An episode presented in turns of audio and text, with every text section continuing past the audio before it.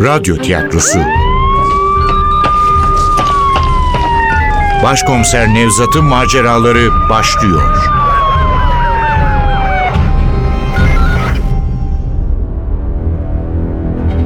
Kavim 4. Bölüm Eser Ahmet Ümit Seslendirenler Başkomiser Nevzat Nuri Gökaşan Komiser Ali Umut Tabak Güvenlik Tonguç Sinan Divrik. Meryem Yeliz Gerçek. Garson Kız Yeşim Sevinç Sırma. Efektör Cengiz Saral. Ses Teknisini Hamdullah Süren. Yönetmen Cemile Yaltır. Ortaköy'de Nazaret'i bulmak zor olmuyor. Bar günün her saati taşıt seliyle çalkalanan ana caddeden denize doğru uzanan dar sokaklardan birinde yer alıyor. Nazaret'i bulmak kolay ama ulaşmak zor. Dar sokak tıpkı cadde gibi ana baba günü. Ali ile birlikte kendimizi kalabalığın akışına bırakıyoruz.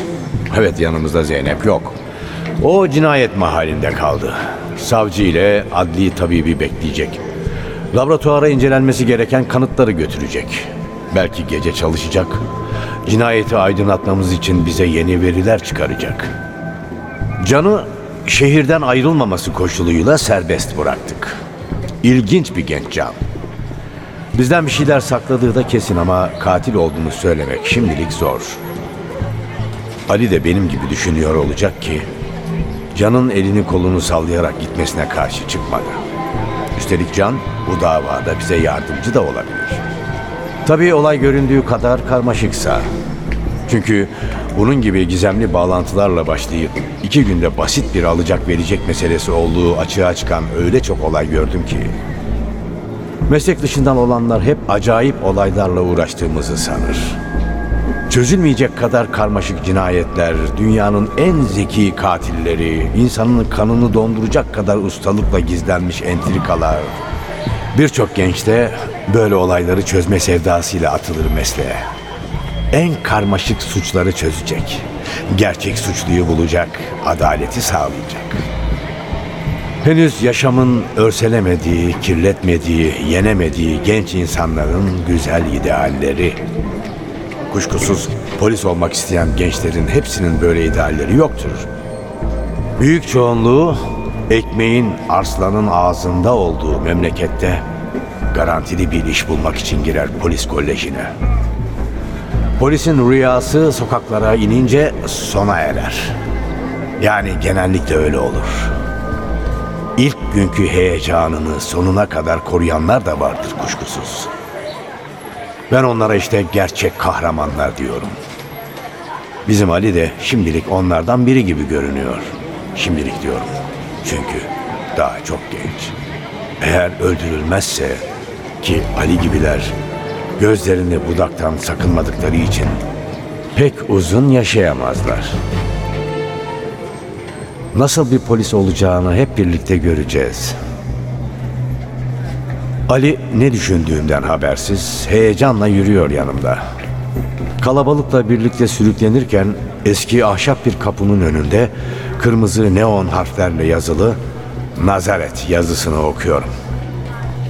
Nazaret'in T'si öteki harflerden biraz daha büyük ve bir haç biçiminde tasarlanmış.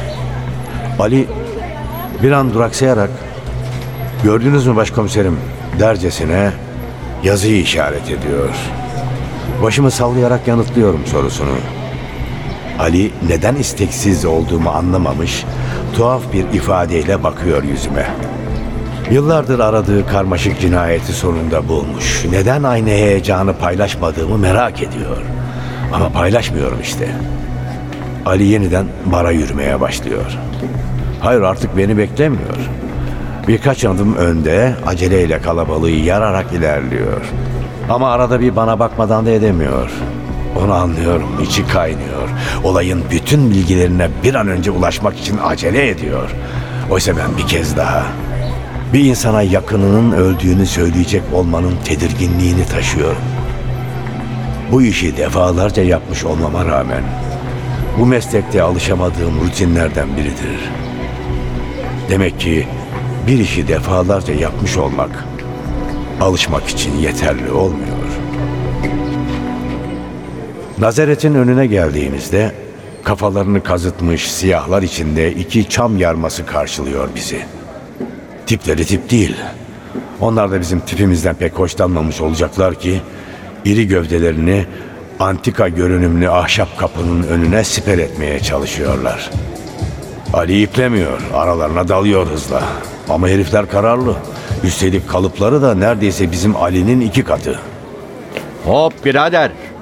Nereye giriyorsun böyle selamsız sabahsız? Polis, çekil bakalım. Kusura bakmayın memur bey. Memur değil, komiser, komiser. Bak kimlikte yazıyor. Okuman yazman yok mu? Adın ne senin? Tonguç amirim. Meryem Hanım içeride mi? Tonguç ne diyeceğini bilemiyor. Yardım et dercesine arkadaşına bakıyor. O da kararsız. Ne desinler şimdi? Ya patron içerinin polisle başı dertteyse? Bu kadar duraksadıklarına göre kadın içeride olmalı. Onların verecekleri yanıtı beklemeden dalıyoruz içeriye. Tonguç da peşimizden. Bu arada arkadaşına seslenmeyi ihmal etmiyor. Hemen dönerim Tayyar. Kapıdan girer girmez loş bir dehliz açılıyor önümüzde. Dehlize girmemizle birlikte derinden bir müzik çalınıyor kulağımıza. Ağıta benziyor. Çok eski bir ağıt. Daha önce hiç dinlememiş olsam da tanıdık geliyor ezgileri. Bakışlarım dehlizin birbirine paralel uzanan duvarlarına kayıyor. Duvarlar tıpkı işittiğimiz müzik gibi eskiden çok eskiden kalmış izlenimini veriyor. Duvarda ışıkla aydınlatılan resimler var. Resimleri aydınlatan ışıklar güçlü değil, yumuşak. Adeta ilahi bir kaynaktan yayılan huzmeler gibi. Tam böyle düşünürken duvardakilerin birer fresko olduğunu fark ediyorum. Dikkatli bakınca bunların İsa peygamberin yaşamı hakkında resimler olduğunu anlıyorum. Meryem ve çocuk İsa. İsa'nın Yahya tarafından vaftiz edilmesi. İsa'nın Lazarus'u diriltmesi. İsa'nın denizin üzerinde yürümesi. Son akşam yemeği. Yahuda'nın Zeytinlik Dağı'nda İsa'yı yakalatması. İsa'nın göğe çıkışı. Bu resimleri açıklamama bakarak sakın Hristiyanlık konusunda derin bilgilere sahip olduğumu sanmayın. Hayır bunları Evgenya da anlatmadı bana. Evgenya Ortodokstur ama dinle arası pek pek iyi değildir. Arada bir kiliseye gider, bir iki mum yakar, dilekte bulunur o kadar. Hristiyanlıkla ilgili bilgileri Dimitri amca anlatırdı bana. Balat'taki patrikhanede papazdı. Herkes ona papaz efendi derdi. Ben Dimitri amca derdim. Karısı Madame Sula'yla bahçeli küçük bir evde otururlardı. Bahçelerinde bahar aylarında erikler, kayısılar, dutlar olurdu. Kışınsa iri sulu ayvalar. Madame Sula çok güzel ayva reçeli yapardı. Bir de kabak tatlısı. Çocukları yoktu. Yaz aylarında bahçelerinden çıkmazdım. İsa peygamber hakkındaki bilgilerin hepsini Dimitri amcadan öğrendim. Hayır Dimitri amca beni Hristiyan yapmak için anlatmadı. Hatta meraklı sorularımı bir süre geçiştirdi. Sanırım bizimkilerin yanlış anlamasından korkuyordu. Ama o kadar inatçı bir çocuktum ki İsa peygamberin yaşamının bilinen yönlerini ayrıntısına kadar öğrenmeden bırakmadım zavallı adamın yakasını. Sonra unuttum gitti işte. Ama yine de bu resimlerin neyi anlattığını anlayabilecek kadar aklımda kalmış öğrendiklerim. Dar dehlizden çıktığımızda bizi büyük bir şaşkınlık bekliyor. Çünkü bara değil, adeta bir kiliseye giriyoruz. Ali şaşkınlıkla ellerini açarak söyleniyor. Bu ne ya? Tonguç ne oğlum burası böyle? Bar mı kilise mi? Bar komiserim bar. Nasıl bar ya? Düpedüz kilise burası. Aman komiserim ne kilisesi. Elhamdülillah hepimiz Müslümanız. Müslümanız da kardeşim nedir bu böyle? Misyonerlik mi yapıyorsunuz burada? Yok komiserim. Millet böyle egzantrik işleri seviyor. İsa peygamber hakkında kitaplar falan çok modaymış şimdi. Meryem abla da atmosfer yaptı. Bana kalsa boş iş. Müşterimiz falan da artmadı ama Meryem abla böyle istedi. Tonguç açıklama yapmaya çalışırken içeriği süzüyorum. Sonradan yaptığı belli olan sütunlar, tavanda nakışlı bir kubbe, duvarlara gömülmüş gibi duran yapay mezarlar. Oturma biçimi bile Kilisedeki gibi düzenlenmiş. Hiç iskemle yok. Sadece sıralar var. Tek fark sıralar arka arkaya değil de yüz yüze konulmuş. Tabi aralarına birer masa yerleştirilecek kadar da açıklık bırakılmış. Aralara konulan masaların hepsi ahşap ve gösterişsiz. Yani genel dekorla uyum içinde. Masaların sadece ikisi dolu. Dışarıdaki kalabalık buraya pek rağbet etmiyor anlaşılan. Masaların birinde üç, ötekinde dört müşteri var. Kendi aralarında konuşuyorlar. Hatta konuşmuyorlar da adeta birbirlerine fısıldıyorlar. Hani camide ya da kilisede saygı gereği sesini yükseltmeden konuşursun ya, tıpkı öyle. Bar tezgahı tam karşıda duruyor. Yani papazın ya da pederin bulunması gereken kürsünün yerinde. Tezgahın başında siyahlar giyinmiş bir barmen var. Barmenin hemen arkasında en az iki metre boyunda, bir buçuk metre eninde kocaman bir pencere yer alıyor. Pencerenin dört camını birleştiren çerçevelerin iç tahtaları fosforlu bir boyayla kırmızıya boyanarak doğal bir haç oluşturmuş. Tezgahın sol tarafında ahşaptan yapılma bir günah çıkarma yeri bile var. Ama etrafta yönetim odası gibi bir yer göremiyorum. Ee, nerede senin şu patroniçe? Ofisi şu günah çıkarma odası görünümlü odanın arkasında başkomiserim. Demek burada günah senin patroniçeye çıkartılıyor. Ben geldiğinizi haber vereyim. Tonguç, günah çıkarma yerinin koyu tül perdesini kaldırıp içeri dalıyor. Durur muyuz? Biz de arkasından. İçeri girdiğimizde ahşap bir kapının başka bir odaya açıldığını görüyoruz. Tonguç önde, biz arkada giriyoruz odaya. Küçük ama bardan daha aydınlık bir mekan burası. Siyah, ahşap masanın başında bir kadın oturuyor. Masanın önünde siyah dört koltuk. Kadın 30 yaşlarında. Kızıl saçlı, güzel. Güzel değil de çekici. İçeri girdiğimizi fark etmiş olmalı. O da bize bakıyor. Yüzünde şaşkınlıktan çok keder var. Ama barın koruması kadının durumunu anlamamış, açıklamaya çalışıyor. Meryem abla, beyler polis. Kadının yüzünde ne bir ürküntü ne bir telaş beliriyor. Oturduğu yerden öylece bakıyor bize. Tamam buyursunlar. Buyurun oturun. Buyurun sanırım Yusuf için geldiniz. Kimden öğrendiniz? Bunun ne önemi var? Yusuf öldükten sonra Yusuf abi öldü mü? Daha geçen hafta buradaydı. Ali eliyle Tonguç'a sus işareti yapıyor. Yardımcımın tavrı öyle kesin ki Tonguç merakını bastırıp susuyor. E susmasa ne olacak? Ona yanıt verecek tek kişi olan Meryem ablası şu anda içinden köpürüp gelen hıçkırıkları bastırmaya çalışmakta. Ama hiç de başarılı olduğu söylenemez. Ali ile ben karşılıklı koltuklara oturmuş, Tonguç ayakta, kadının durulması için bekliyoruz. O arada bakışlarım kadının arkasındaki duvara yapılmış freske kayıyor. Freske İsa peygamberin çarmıha gerilme sahnesi canlandırılmış. Çarmıhın hemen önünde dört kadın var. Bunların biri İsa'nın annesi Meryem. Öteki ikisini tanımıyorum ama kızıl saçlı olanın Mecdelli Meryem olduğunu biliyorum.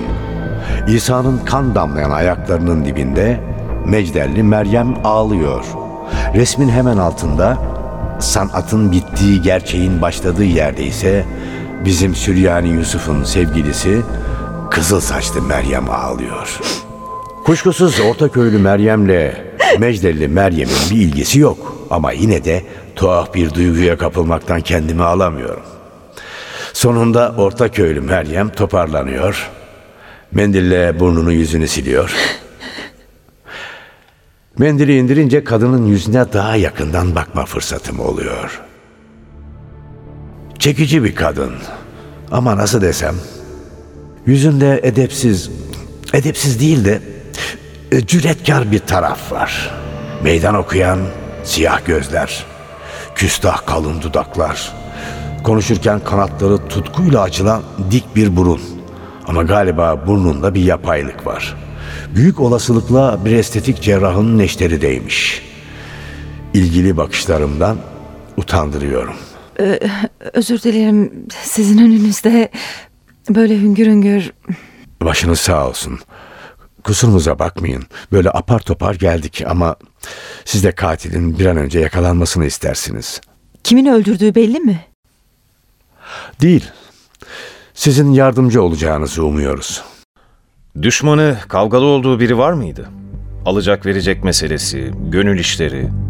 Gönül işleri falan yok. Borcu da yoktu alacağı da. Ya burası? Ortak mıydınız? Galiba barın adını Yusuf koymuş. Ortak değildik. Benim olan ne varsa hepsi Yusuf'undu. Yusuf'un olan her şey de sizin miydi? Ne demek istiyorsunuz? Bir şey demek istemiyorum. Sadece anlamaya çalışıyorum. Yusuf sık sık gelir miydi bara? Ne? Yusuf abi gün aşırı uğrardı. Delikanlı adamdı. Yani öyle bir adam değildi. Zor gelir dünyaya Yusuf abi gibi adamlar. Hadi sen dışarı çık Tonguç. Dur dur. Kusura bakmayın sormayı da unuttuk. Ne içersiniz? Yok teşekkür ederiz. Biz bir şey içmeyiz. Alkol olması gerekmez. Çayımız kahvemiz de var. O, o zaman e, sade bir Türk kahvesi. Ben de varsa sert bir filtre kahvenizi içerim. Yeşime söyle getirsin. Tamam abla. Yusuf diyorum sık gelir miydi bara? Tonguç'un da söylediği gibi gün aşırı uğrardı ama işlerime karışmazdı. Karışmazdı diyorsunuz da isminden dekoruna kadar barla Yusuf ilgilenmiş. Gerektiğinde yardıma koşmaktan çekinmezdi. Barla ilgili yardım isteği de ondan değil benden geldi. Buraya işler için değil beni görmeye gelirdi. Ama bir haftadır uğramamış. Adamınız öyle söyledi. En son geçen hafta gelmiş Yusuf buraya. Doğru. Geçen haftadan beri uğramıyordu. Tartışmıştık. Kızmıştı bana. o yüzden onu kırmıştım. Barda işler kötü gidiyordu. Gergindim. Mesele çıkardım. O da çekip gitti. Sonra gururuma yedirip arayamadım. O da aramadı. Bilseydim.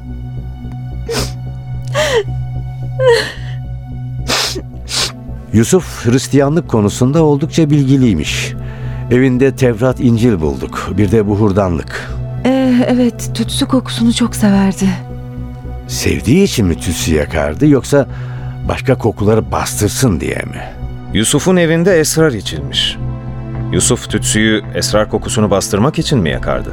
Hayır, sevdiği için yakardı. Peki siz? Ben de severim tütsü kokusunu. Ya esrarı? Ben esrar içmem, sadece sigara. Ama Yusuf içerdi. Onu bilmem ama ben içmem. Şu Hristiyanlık meselesi Meryem Hanım. Siz de Hristiyan mısınız? Hayır. Yusuf da öyle dindar biri değildi. Kiliseye falan gittiğini hiç görmedim. Ama burayı bir kilise gibi düzenlemekten çekinmemiş. Niye çekinsin ki? Biz esnafız, burada iş yapıyoruz. Ne tutarsa, müşteri neyi isterse barımızı ona göre düzenleriz. Pek tutmamış galiba. Henüz erken müşteri alışamadı. Bazen de tutmuyor işte. Can da gelir miydi buraya? Can'ı tanıyorsunuz değil mi? Hmm, hani şu Antakyalı. Hristiyanlık konusunda uzmanmış. Yusuf'un evinde karşılaştık. Ee, söylediğine göre iyi arkadaşlarmış. İyi arkadaşlardı, iyi çocuktur Can. Altın gibi bir kalbi vardır. Yusuf'un öldürüldüğünü de ondan öğrendiniz değil mi? Evet Can'dan öğrendim. Suç mu? Yok.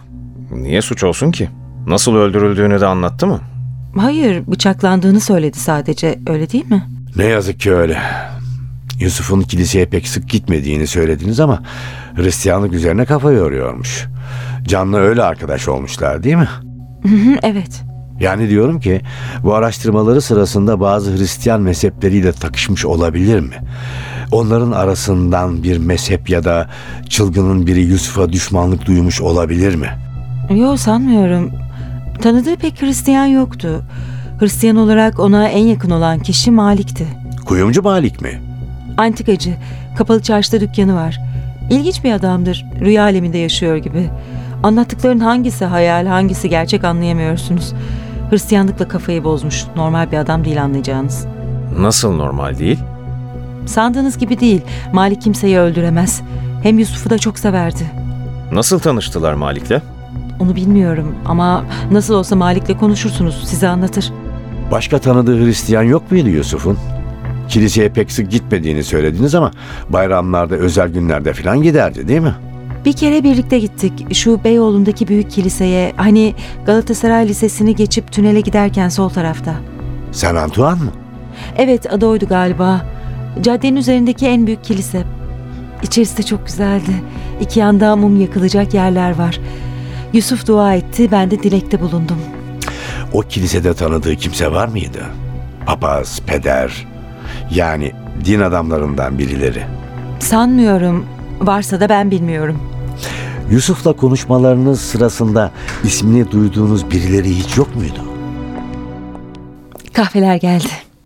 İçeriye tepside kahveleri taşıyan genç bir kız giriyor. Girer girmez de gözlerini bizim yakışıklı Ali'ye dikiyor. Filtre kahve sizin mi? Bizimki kızı etkilediğini anlamış, kasılıyor ama hiç yapmacık değil. Çocuğun içinden geliyor. E ne de olsa delikanlı. Kendisini izlediğimi fark edince toparlanıyor. Ee, Evet evet benim. Sade kahvede başkomiserimin. Kız Ali'nin başkomiserini hiç umursamıyor.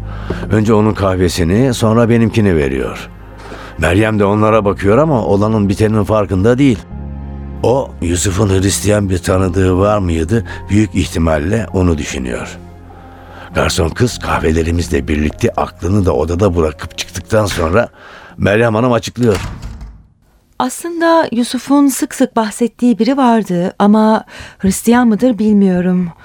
Adı neydi? Aa, Timuçin. Evet Timuçin. Yusuf konuşmalarında Timuçin diye birinden bahsederdi. Timuçin adında birinin Hristiyan olacağını sanmıyorum. Bir Türk nasıl Hristiyan olabilir? Yanılıyorsunuz dünyada binlerce Hristiyan Türk var.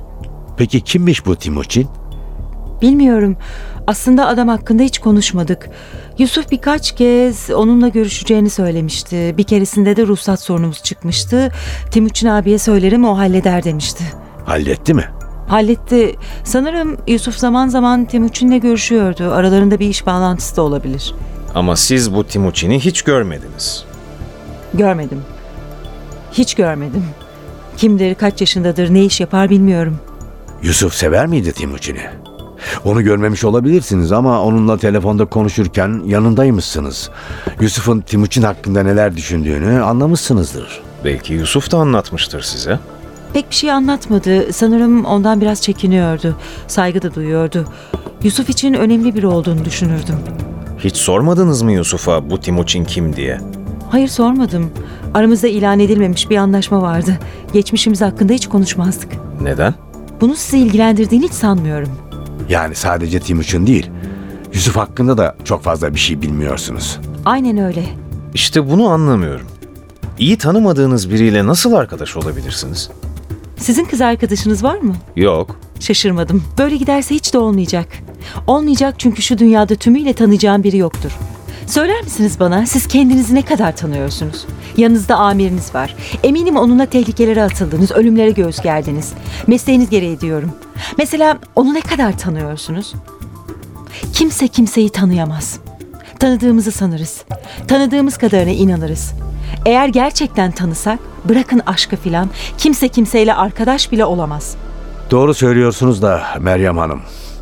Sözlerinizde kafamı kurcalayan bir nokta var. Özür dilerim isterseniz yanıtlamayın ama Yusuf'u merak etmiyor muydunuz? Gerçekte kim bu adam? Kimlerle görüşüyor? Ne işle uğraşıyor? Bir kısmını biliyordum zaten. Timuçin gibi hiç tanımadığım, hiç görmediğim arkadaşlarını ise merak ediyordum elbette. Eminim Yusuf da onunla tanışmadan önceki hayatımı merak ediyordur ama bana hiç sormadı. Ben de ona hiç sormazdım. Açık konuşmak gerekirse biraz da duyacaklarımdan korkuyordum. Duyacaklarımın kafamdaki, yüreğimdeki Yusuf'la uyuşmayacağından korkuyordum. Gerçekler her zaman güzel olmayabilir. Bazen ne kadar az şey bilirsen o kadar iyidir. Kavim. Eser Ahmet Ümit. Seslendirenler Başkomiser Nevzat Nuri Gökaşan Komiser Ali Umut Tabak Güvenlik Tonguç Sinan Divrik Meryem Yeliz Gerçek Garson Kız Yeşim Sevinç Sırma Efektör Cengiz Saral Ses Teknisini Hamdullah Süren Yönetmen Cemile Yaltır